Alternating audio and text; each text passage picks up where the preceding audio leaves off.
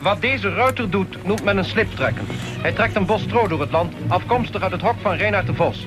Het spoor dat op deze wijze ontstaat, zal anderhalf uur later door een meute jachthonden worden gevolgd. Dit is de noodzakelijke voorbereiding voor een slipjacht. De Haarlemse Ree- en Jachtvereniging heeft er deze dagen een gehouden. Ja, zo versloeg het Polygoonjournaal ruim 70 jaar geleden een jachtpartij. Fotografe Isabella Roosendaal verdiepte zich de laatste tien jaar in de jacht en de cultuur eromheen. Niet alleen hier in Europa, maar ook in Noord- en Zuid-Amerika.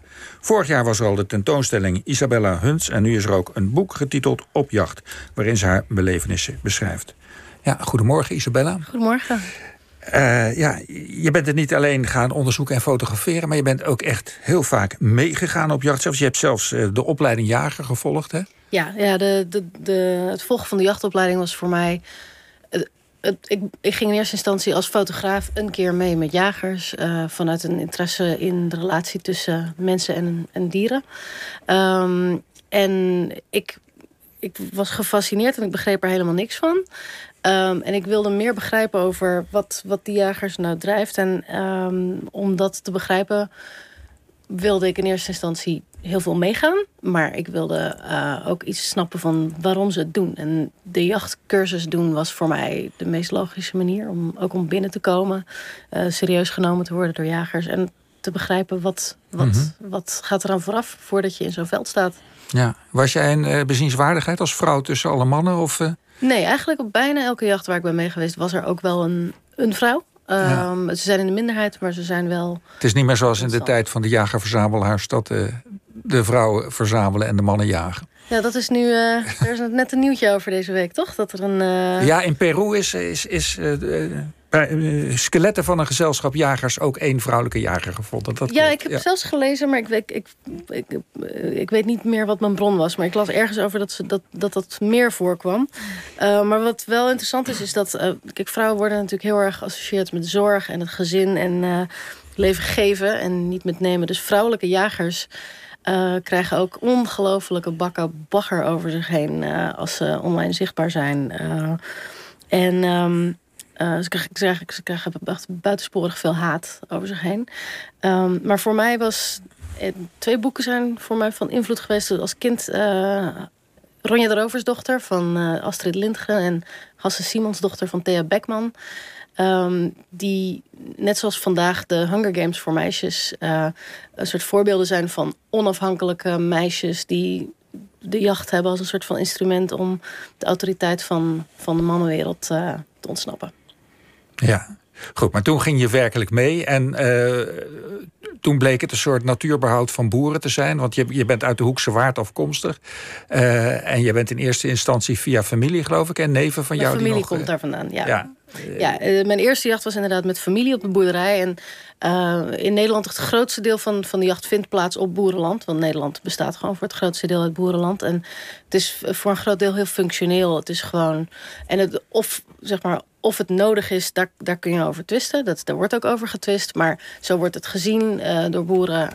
Het is gewoon opruimen van het land. Overschot aan hazen en verzand wegwerken. En aan het eind van de dag heb je iets lekkers te eten en het valt in een traditie. Het is iets wat ze altijd al gedaan hebben. Dus het, wordt, het is niet iets waar, wat onder hen controversieel is. Het is gewoon wat ze, wat ze doen. Ga je, jij gaat mee en je gaat alleen mee of schiet jij ook? Ik heb altijd mijn camera bij me gehad. Dus maar schiet je ook met dat andere ding? Dat is uh, nee, nee. Okay. dat is niet iets wat je mag doen zonder. Uh, het, het, het, is, uh, je, je neemt niet zomaar het geweer op. In Nederland, als je wil jagen, dan word je jager. En dat is, dat is een, uh, daar komt een hele hoop bij kijken.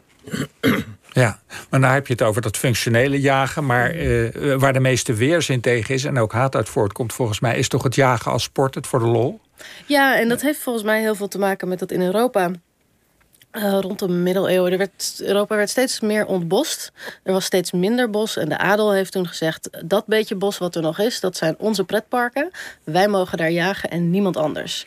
Dus op stropen stonden waanzinnig strenge straffen. Er werd, je kon in een hertenhuid genaaid worden en dat de honden op je losgelaten werden. Uh, het was gewoon heel duidelijk: dit is alleen voor de adel. En dat wekt natuurlijk een hele hoop weerzin op bij de lagere bevolking. Er was ook bij de Duitse boerenopstand. Um, in mijn boek staat, staat wanneer dat was. Ik weet het Ja, dat niet is eh, rond 15, 16 ergens ongeveer. Nee, nee, nee, dat is niet waar. 15, 21, 22. Nelke, help. Nee, ik, ik hou mij. eh, Ja. Nou ja, een, een, een, Luther is dan al beroemd en dan komen de boeren in opstand. Ik weet het nu weer echt hoe het zat, is 1530. En Luther die leest de boerenles, willen jullie wel eens in je boerderij blijven. Precies. Maar ga verder. En hun, een van de dingen waar zij eh, woedend over waren... was het feit dat het jachtrecht zo ontnomen werd. Dat, was, dat wilden ze terug. Dat, eh, en in Europa is het dus zo geweest dat het ook dus cultureel van de adel... eh, eh, eh, hun, het, het was van de adel, de jacht. En dat maakte dat het...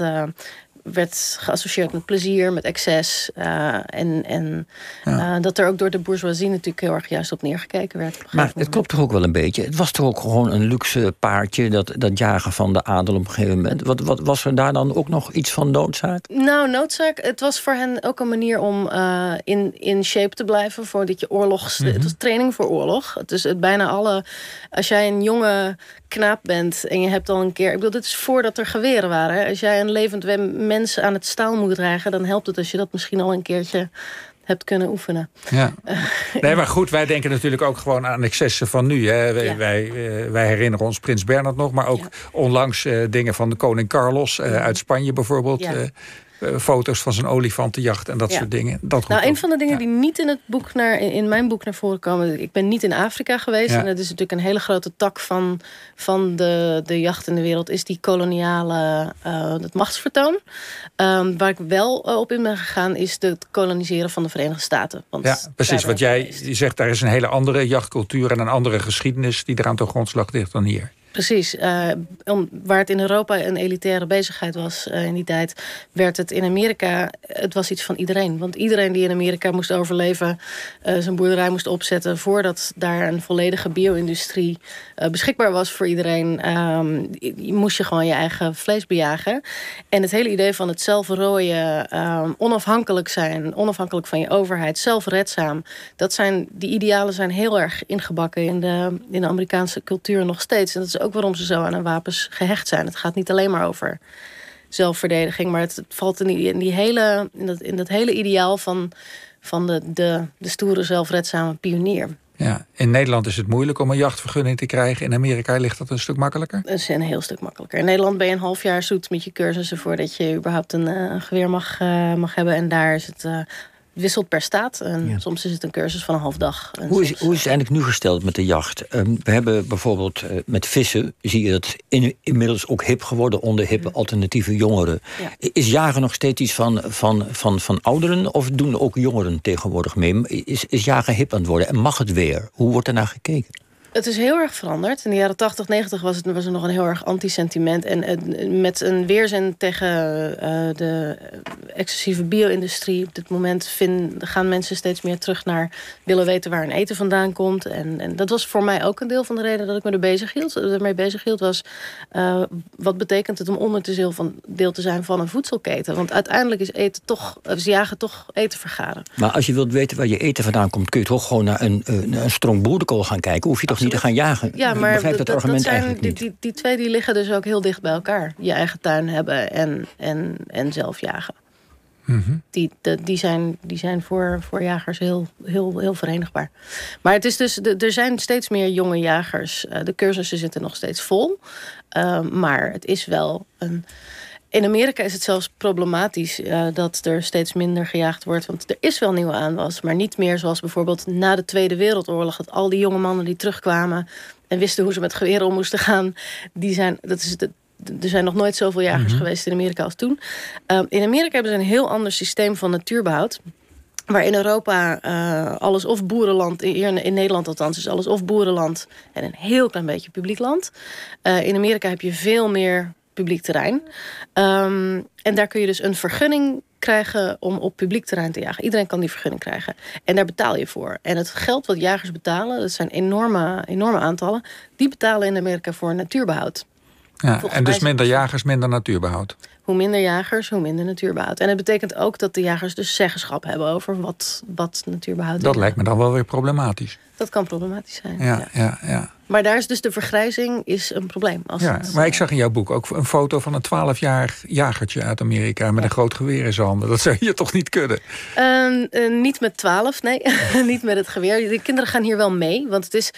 Het gezegd is, eh, it takes a hunter to make a hunter. Mhm. Dat eh, je, jagen is het niet iets... Dat is ook waarom het vaak binnen een bepaalde cultuur blijft. Het is niet iets wat je zomaar Ja. oppikt Maar, op straat. maar als we nu afronden, de, de, eh, het jagen heeft volgens, als ik jou zo hoor, weer toekomst in Nederland met, met ook nieuw, een nieuw soort jager. eh, Een nieuw soort mensen ja. die dat gaan doen. Ja, zeker. Ja. Met een nieuwe motivatie. Ja, en, de, eh, ja. en nog even de bijzonderste jacht die jij tegen bent gekomen... die misschien nog het meest op de tijd van de eh jager-verzamelaarstijd lijkt... is die in Zuid-Amerika. Ja, uiteindelijk ben ik in de Amazone terechtgekomen. En heb ik daar gekeken hoe het is als het gewoon een onderdeel is van het dagelijks leven. En eh, ehm, uit, niet uit, die, uit de Europese cultuur voortkomt. Maar dat, daar heb ik een tijd bij een stam doorgebracht. En ehm, eh, ja, daar, daar was het de normaalste zaak van de wereld. En het was heel bijzonder om te zien hoe dat eh, elke dag de realiteit was. Goed. Nou, bedankt voor je komst. Het is allemaal terug te lezen in een eh, mooi boek met mooie foto's erbij. En ook nog allemaal recepten voor het meest curieuze wild. Als je, als je wil weten hoe je een eekhoorn moet klaarmaken... lees het boek van Isabella Roosendaal. Het heet Op Jacht en is uitgegeven bij Atlas Contact.